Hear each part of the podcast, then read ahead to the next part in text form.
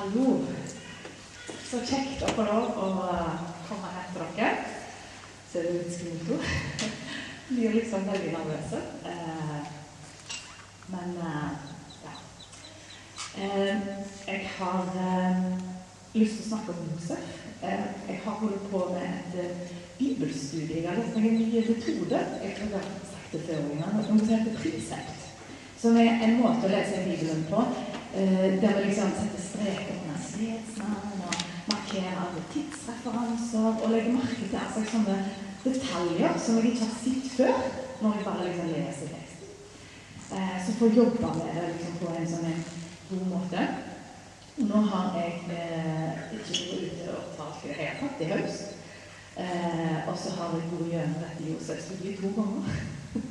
Først en gang sjøl, og så har jeg eh, i lag med noen andre igjen. Så jeg bobler over av Josef. Eh, det er 13 tettpakka kapitler med drama og detaljer. Og jeg elsker den historien. Det er helt fantastisk spennende på mange måter. Og det er så mange lag eh, og så mange eh, spennende ting å fortelle om den fortellingen. Så nå kan det hende at når jeg har prøvd å pakke dette ned til liksom en liten halvtime til dere, så kan det hende at noe av det er litt sånn Hæ? podkaster nå. Eh, at det ikke gir helt mening. Eh, men da må dere iallfall gå hit og lese det sjøl. Det er det jeg egentlig lyst til å oppfordre dere til alle, de 13 kapitlene. Å lese dem sjøl, og lese dem litt seint. Eh, for det er en utrolig spennende fortelling. Jeg hadde med en powerpoint, men ikke man. Det er ikke Hmm? Det er vært. Så bra. Ja. Eh, det står i første Mosebok, kapittel 37 til vers 50. Vi skal ikke lese alt det nå. Eh, så jeg kommer liksom til å fortelle litt eh, handlingen. Og jeg regner med at mange av dere kjenner mye av fortellingen fra før av. Men vi kan be. Gode Far, takk for at du er her med Din Hellige Ånd. Og takk for at ordet ditt er den største skatten som finnes på jord. At det er din gave til oss. Ber at du må åpenbare ordet ditt for oss nå når vi skal snakke om det. I Jesu navn. Ja, jeg har altså da prøvd å komprimere disse tekster, denne teksten til fire punkt. Og Det første punktet er familiedrama. Og det andre punktet er hvor er Gud hen i lidelsen? Og det tredje punktet er om å være i Guds plan med livet sitt. Og det fjerde punktet er hva er det å leve i tilgivelse? Og liksom Overskriften er å stole på Gud under alle omstendigheter. Det var på en måte det Josef gjorde. Og på det første punktet. Nå hiver vi rett på familiedrama. Dette er et eh, dramastykke eh, i særklasse. I kapittel 37 så møter vi Josef. Han er 17 år, står det. Og her er mye mine og dine og våre unger. Det er en veldig sånn en eh, sammensatt, stor familie. Tolv sønner, vet om, og én døtter. Det kan hende det var flere døtre, men det er bare ei som er en. Det var fire fødende mødre.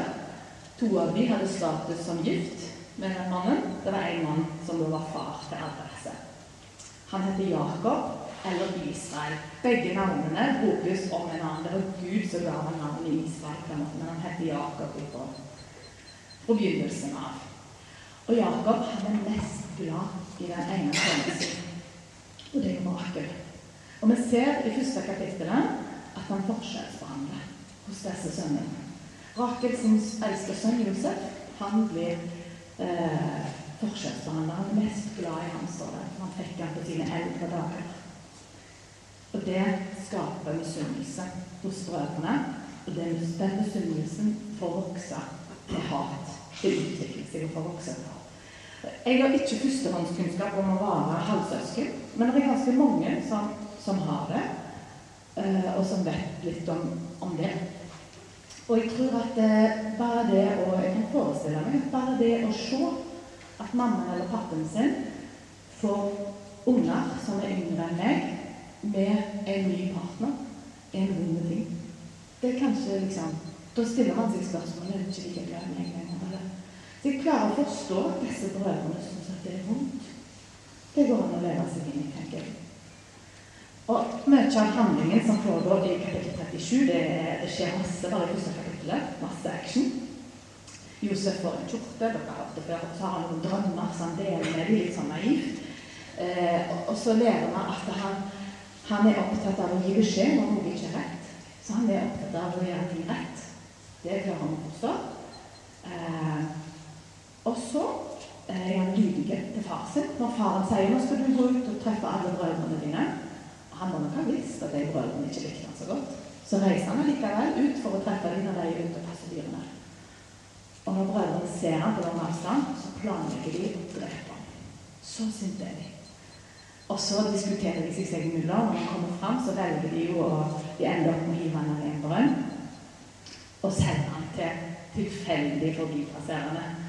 Men så vet vi jo at det er ikke tilfeldig vet du, at det akkurat kom noen som akkurat skulle til Egypt. Akkurat da. Dette er Guds tegning.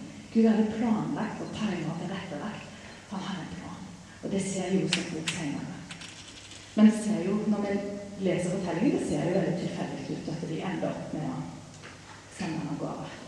Og dette er kjempespennende. Nå har vi lest kapittel 37, liksom. Og så kommer vi hva skjer videre? Så er det kapittel 38, og da er det sånn Her en ny fortelling. For her står det om Juda. Og plutselig hva som skjedde med han. Og Juda, han er da egentlig sønn nummer fire i denne rekka. Eh, og det står om hva som skjedde med han.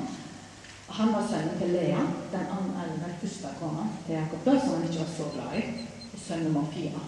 Faktisk så står det når hun fikk de sønnene Med de tre første sønnene så var det så lengta sånn etter kjærligheten til Jakob hele veien. Og var irritert på at du når hun fikk sånn nummer fire, da skjønte du det er Gud, det er du som skal være. Det er deg jeg skal elske. For det er din kjærlighet som bryr meg om, og ikke Jakob sin. Og så vet vi at Juda får en viktig rolle i Jesus i ettertallet. Og det som jeg klør meg i hodet når jeg leser dette For det som skjer med Juda da, etter han har vært med og sett bror sin, så flytter han til et annet land, står det, eller lenger vekk. Han flytter vekk fra familien sin. Gifter seg, får fire, eh, tre sønner. Og den eldste sønnen gifter seg eh, med ei dame som heter Tamar. Og så står det at Herren syns at han eldste sønnen var ond. Så han måtte dø. Ok, hva skjer nå? Men det er sånn gjorde Gud da. Han var ond i Herrens øyne, derfor fikk han ikke leve. Og så måtte nestebroren overta kona. Og han òg, Onan, han òg var ond i Herrens øyne, så han fikk heller ikke leve. Jeg skal si litt mer om dette senere. Men uh, det er mange ting jeg måtte liksom jobbe med. Hva er dette for noe? Og så, det som skjer videre da, er at eh, da sier han Juda til svigerdattera si Utama du, eh, jeg vet at du egentlig nå har rett til å gifte deg med den yngste sønnen, men han er så liten ennå. Så du må bare flytte hjem til din familie. Og så, når, eh, når, familien, når han er voksen, så kan du få gifte deg med han. Så hun gjør det, og så holder ikke han ordet sitt. Når han er voksen, så sender han ikke bud på noen tapere henne. Hun bor der på en måte hos sin familie og får ikke gifta seg. Og så dør eh, kona hans Juda. Og da er hun Tamar kjapt på. Og så tar hun saken i egne hender. Når hun vet at Juda skal ut og reise, så kler hun seg ut som en prostituert. Og så stiller hun seg langs veien. Og hun trenger ikke spørre ham engang. Han går rett i baret. Han går rett hen og har sex med henne. Eh, og ja, så står det tre måneder senere, når det ble kjent at hun Utama og blir gravid, så ble hun Judas sinte. Få henne ut og steine hun der, liksom. Da skal han eh, snakke litt om hyggelig. Så det er Og så eh, beviser jo Tama at det er han som er faren. Det er faktisk de tvillingene som hun skal få. Eh, og så det som gjør at da, er ganske smart. Da gir ham rett. Han sier ja, du rett. Han innrømmer sin egen svakhet og sitt eget ansvar. Eh, og så, Jesus i hettetallet, så er det disse som er nevnt. Juda og Tana og tvillingene som hun fikk. Når Gud i himmelen skal sende sønnen sin til jorda, så skulle vi tro at han velgte det gjennom en flytte familie, som gjorde ting rett og bra. Og så velger han disse svikefulle sjelene. Og så er det et godt ord. På en måte, For det er sånn Gud gjør. Da kan han bruke meg, og da kan jeg ha frimodighet til å fortelle om Hans ord her i Øvensvåg eller andre plasser. Fordi Gud bruker mislykka folk. Folk som gjør feil. Og det gjorde han her nå. Til og med til det viktigste oppgavene. Og så kan vi trykke neste punkt. Hvor er Gud hen i lidelsen? Det er mye lidelse i denne fortellingen om Josef. Nå kan vi prøve å følge Josef igjen. Han er kommet som 17 år 17 år gammel til et fremmed land. Han kan ikke språket, han kjenner ikke kulturen, og han er slave. Og Hvis det var på en måte til Norge han var kommet, så tror jeg han hadde kommet eh, til sjefen for PST. Det er liksom sjefen for livet etter er kommet til, og det er der han skal være tjener i huset. Og Josef han henger ikke med hodet. Han gjør det beste ut av det. Jeg tror han har hatt litt sånn lederegenskaper og sikkert litt sånn god organisering. Sånn. Han får masse ansvar eh, og gjør en kjempegod jobb og er veldig godt likt. Å, så bra, tenker han. Good go, liksom. Det er jo fint. Han blir faktisk for godt likt. For kona til PST-sjefen, hun legger seg i ham. Og hun eh, utsetter han for det står faktisk 'hver dag'. Tenk deg at det er ikke en gang det skjer. Det er hver dag så gjentar hun 'Å, jeg vil ha sex med deg'. 'Å, jeg vil ha deg'. Seksuelle fristelser. Dag etter dag. Og Josef, han står imot. Han er klart Det ikke det lette jeg ja, det har de. Men det er veldig mange av oss ikke klarer. Og broren Juda, han gikk jo veldig dag. Han klarte ikke. Så her er Josef på en måte en kontrast. da. Og han sier faktisk veldig tydelig hvorfor. Jeg frykter Gud. For jeg kan ikke ha sex med deg, for jeg frykter Gud. Uh, og jeg har respekt for mannen min og jobben jeg har fått til. Så jeg kan ikke gjøre det. Og så skulle det så bra. Nå gjør han det som er rett og bra. Det lønner seg jo. Gjør ikke det? Gud gir belønning til deg som er rett. Hei. Josef han henne i fengsel. Falskt anklagt for voldtekt. Det er det fullstendig i stand når han gjør det som er rett. Og han havner i fengsel. Og så tenker jeg, hvordan har jeg reagert? Og det er hvordan har du reagert? Falskt anklagt for voldtekt det er det mest aktuelt for dere menn. Hvordan hadde vi liksom håndtert det?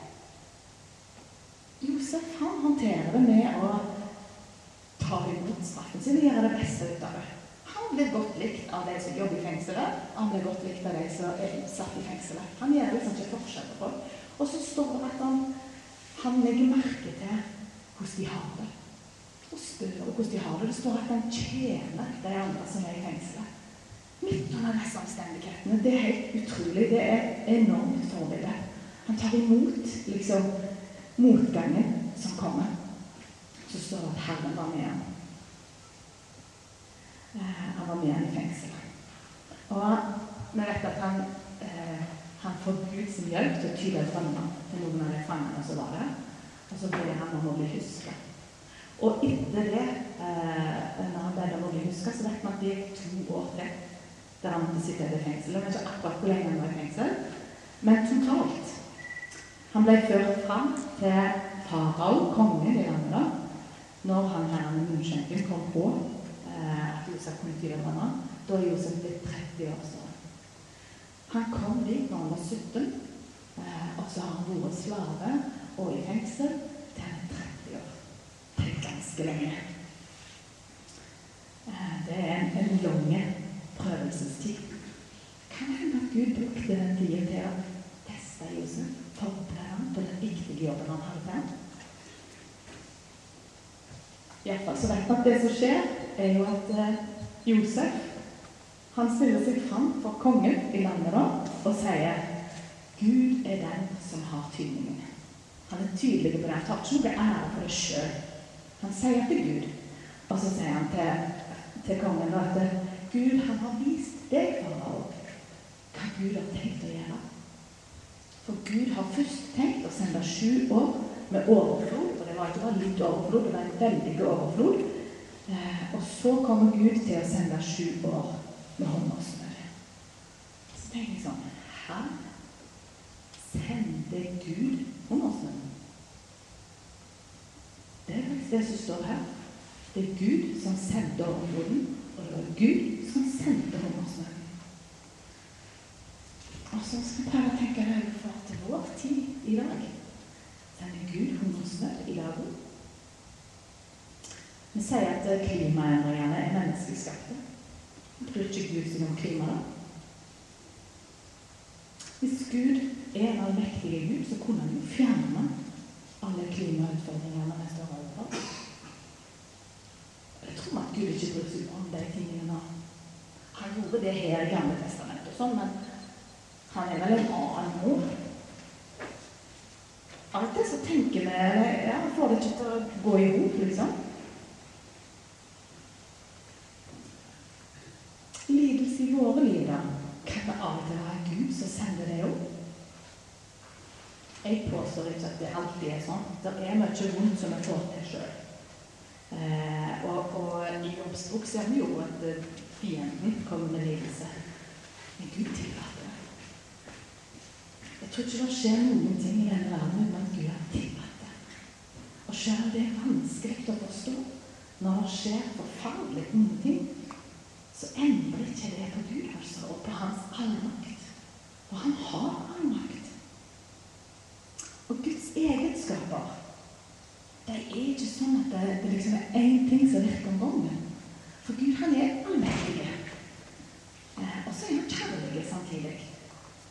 Eh, og han er, ja, han er uforanderlig. Han er den samme som han var i Gamle testamentet og i Nye testamentet og i dag.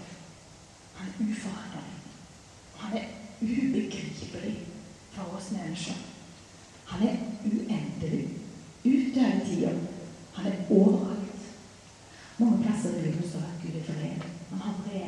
Guds vrede finnes. Så står det at han er sein til vrede. Det er ikke noe han slipper løs med en gang. Den vreden, altså, han er kjempetålmodig.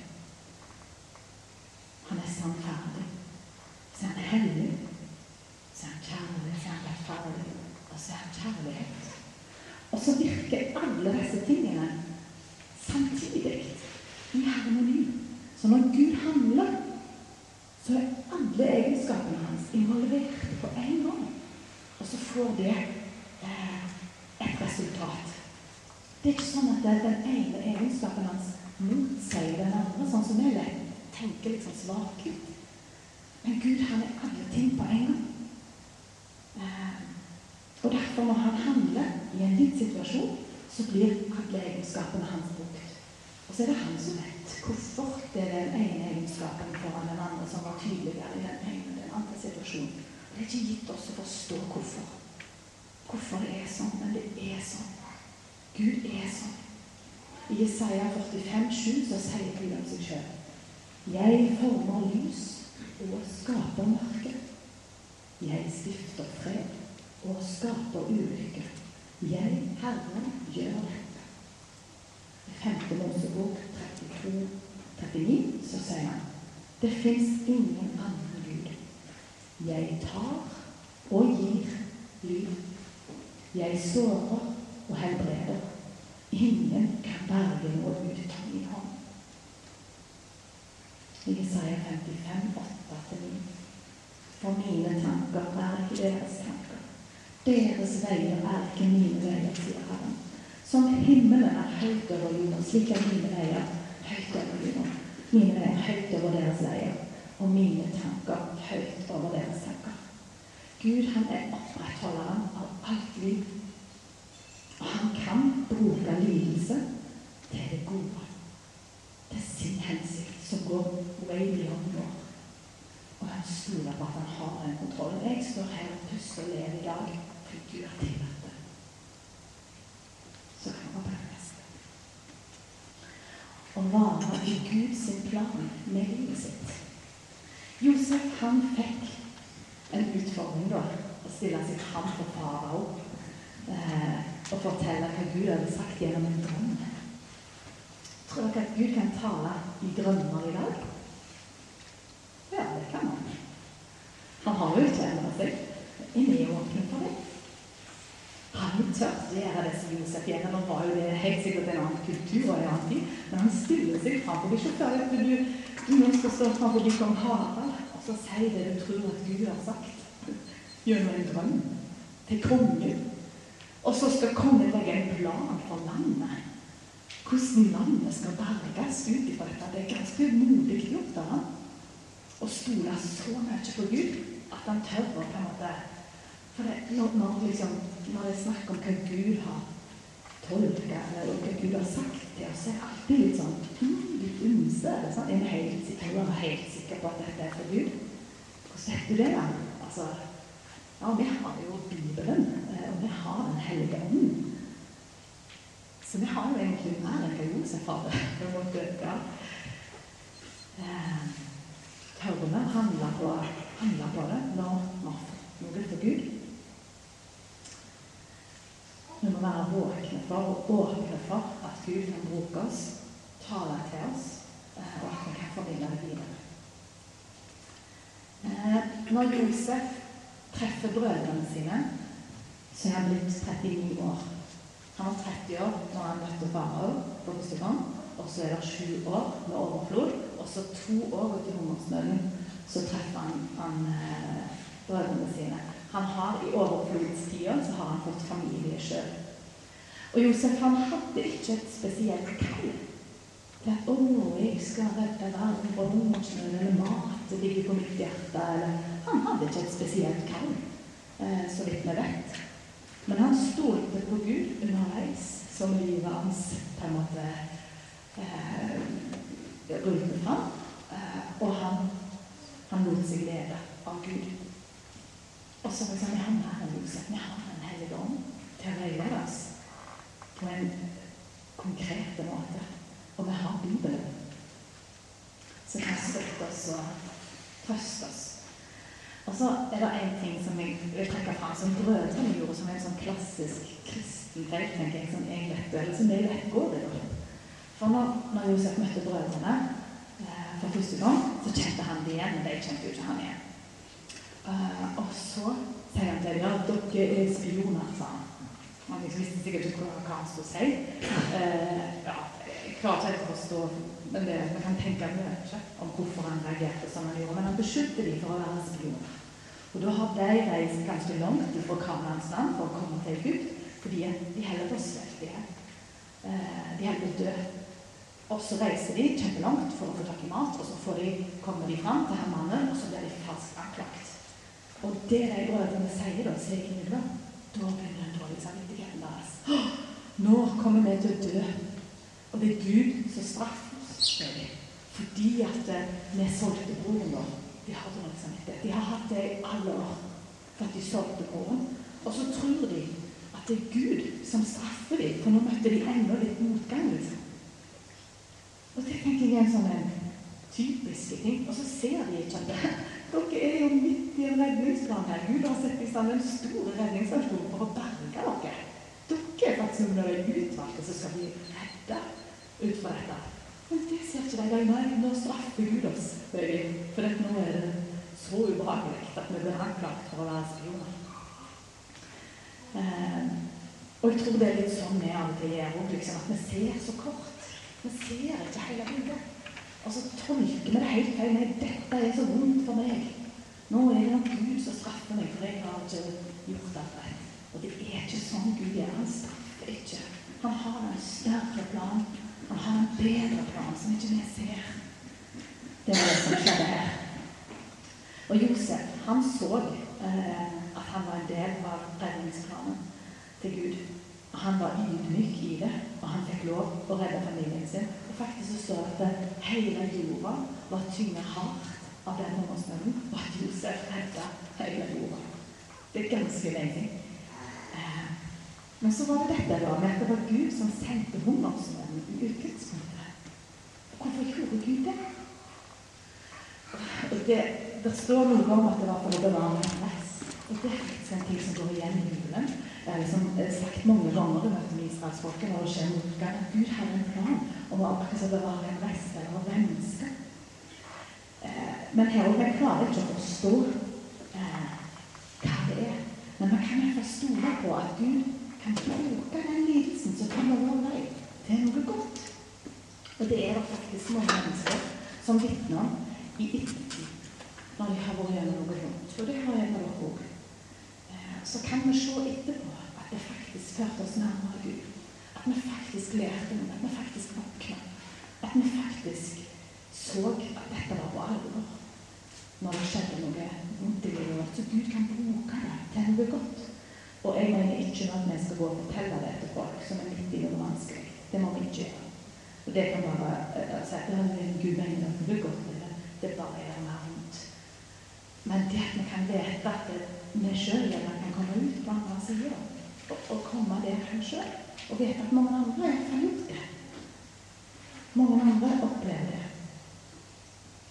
Gud kan bruke lidelsen til noe godt i livet vårt. Og Det er ikke alltid han som sender lidelsen, men det er han tillater.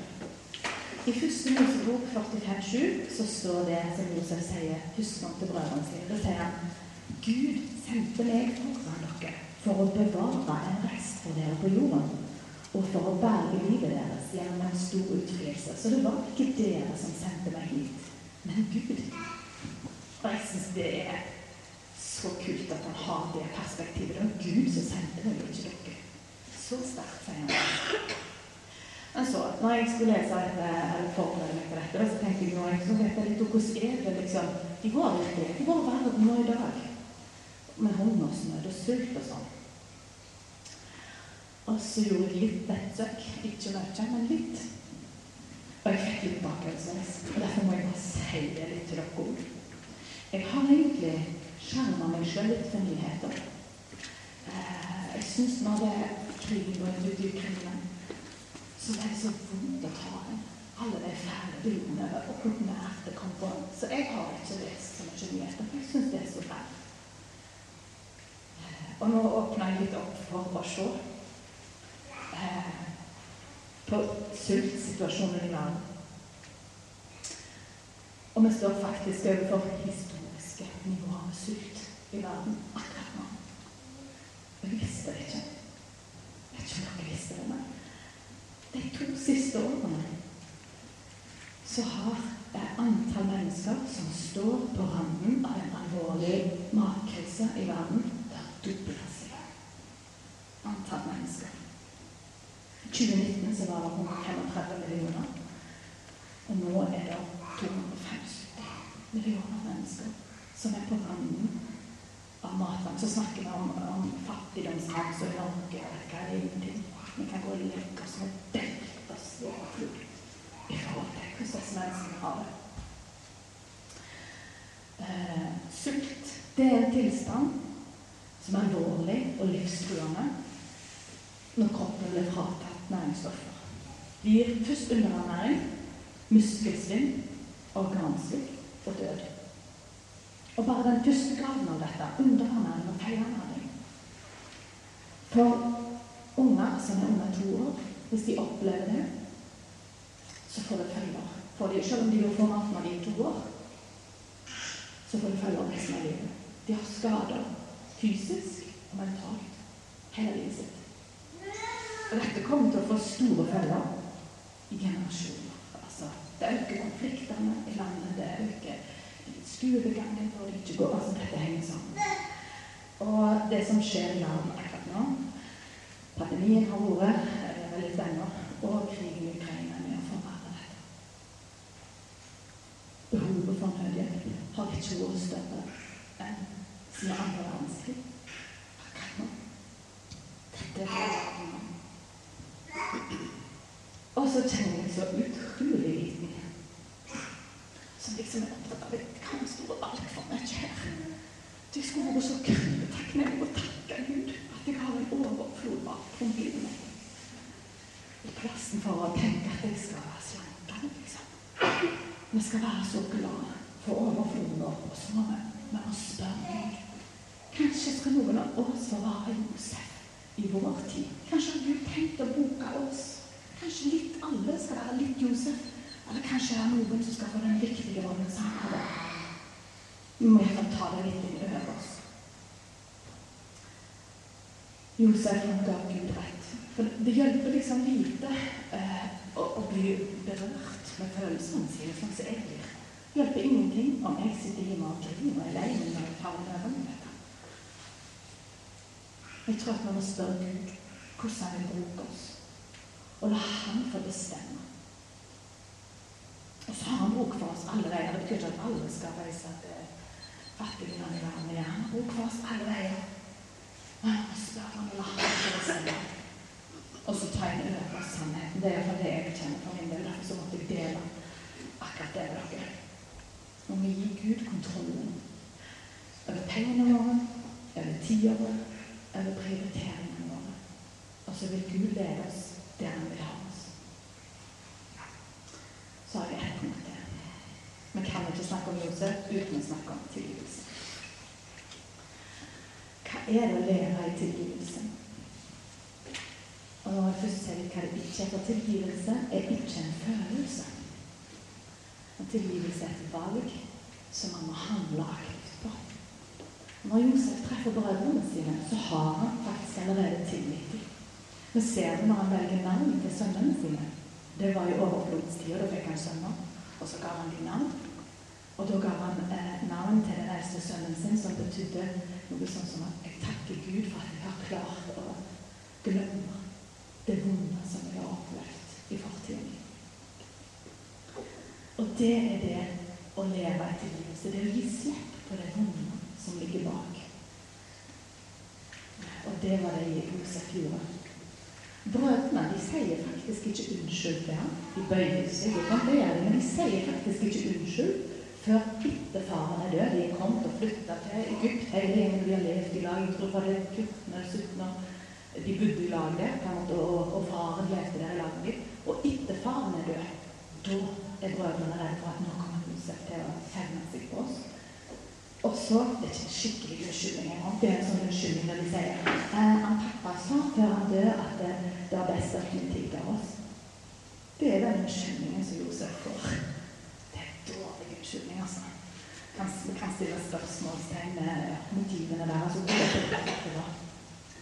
Men Josef hadde glemt Han hadde tilgitt lenge før. For han hadde lagt det bak seg. Å tilgi, det er å gi slipp på det som var, og velge å legge det bak seg. Og Josef han stolte på Gud og ga Gud ære i alle situasjonene. Eh, og Gud brukte kanskje motgangen i Josefs liv til å forme og forberede han. Og Det er liksom lett å se i ettertid, men ville det vært lettere for oss å tilgitt eh, og tålt motgangen hvis vi visste at Gud ville bruke det til noe godt? Jeg tror kanskje det. Men vi ser det jo ikke på forhånd. sånn. Tilgivelse det er heller ikke å si at det som skjedde, var galt. For av og til så hører vi noen som sier 'jeg klarer ikke å tilgi'. Og jeg tror ikke at det er det de egentlig sier. For å tilgi er ikke noe du skal klare. Det de egentlig sier da, er at 'jeg har vunnet følelser knytta til dette ennå'. Og dette er helt lov. Det er Josef Josef hadde mange vonde følelser knyttet til det. Det beskrevet så detaljert. Når han møtte igjen brødrene sine, så hadde han så mye vonde følelser at han måtte gå og gjemme seg og grine og hulke. sto det. Og så vasket han ansiktet sitt igjen, og så gikk han inn og sa at han hadde vonde følelser. Det, det hadde han. Men han velgte å ikke holde det mot dem. Og han velgte å leve på en sånn måte at den fortida ikke fikk lage ham opp liksom, og øyelegge, som at han ikke ble bitter. Og det er det å leve i tilgivelse. Det er ikke å si at det som skjedde, er greit. Det sier ikke Josef. Han sier at Gud brukte det til noe godt. Og en viktig ting når vi skal tilgi, det er når vi skal leve i tilgivelse, det er å plassere skyld.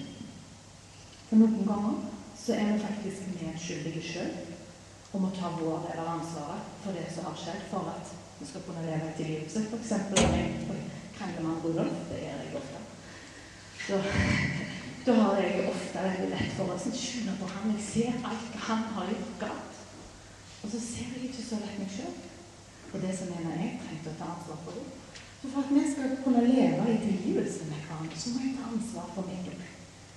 Og ta skylda på meg for det som jeg har gjort. Så plassering av skyld er ganske viktig. Faktisk er det ofte som en konfliktløser. Og du tar ansvar for det som var ute i den konflikten, så løser du det ofte. Da er det lettere for de andre å ta sitt ansvar. Eh, så noen ganger må vi ta ansvar. Andre ganger så gjør vi motsatt. At vi tar på oss skyld for noe som vi ikke har tatt skyld for. Veldig ofte skjer det med de som har vært utsatt for overgrep. Da tror de at de bærer ansvaret for det sjøl. Og så gjør de ikke det. Det er feil skyldplassering. Og når vi da kommer som kristne må du så virker det mot sin hensikt. For plassering av skyld er viktig å gjøre før en kan på en måte legge ting bak seg. Hvis vi går og ber på noe som ikke er vårt, og har tatt ansvar for noe som ikke var vårt, så kan det ødelegge mer enn det gjør godt. Og tidlig er det ikke å si at det som skjedde, var greit. Men å plassere skylda det hører hjemme. Og ikke la de tidligere hendelsene få så stor makt og så stor plass i tankene og følelsene våre men at vi velger å legge det vekk, og velger å ikke holde det mot den andre parten, selv om vi hadde hatt rett til det. Og det kan være krevende, og så kan det være godt for oss. Eh, så betyr det ikke sånn som jeg sa, at vi upåvirker senere. Det kan dukke opp igjen mange ganger senere med følelser rundt det.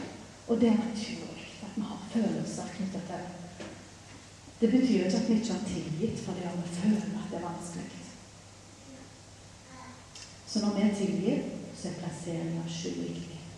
Og når Gud tilgir, da er plasseringa skyld ekstremt viktig. Når jeg møter Gud, så er det viktig at jeg tar ansvar. Innrømmer. Jeg erkjenner min del av skylda her i den relasjonen. For at den relasjonen skal finne sted så sier jeg at Gud, jeg er ikke sånn. Jeg, jeg har litt urett mot deg. Jeg har tenkt mest på meg sjøl. Jeg har vært misunnelig. Jeg har baksnakket. Og når Gud møter meg, så plasserer han skylden på Jesus. Tenk det.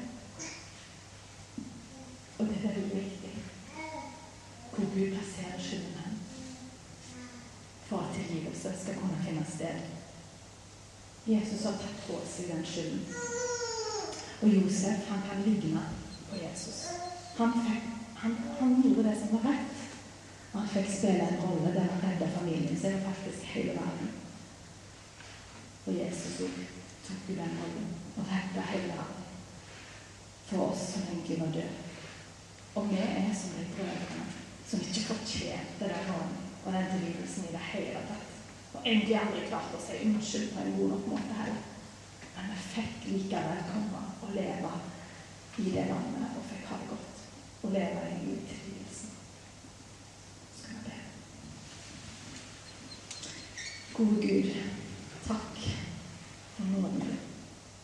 Takk for kjærligheten din. Takk for ordet ditt. Takk for forbildet og eksempelet i Josef. Takk for at du elsker Takk for at du tilgir oss.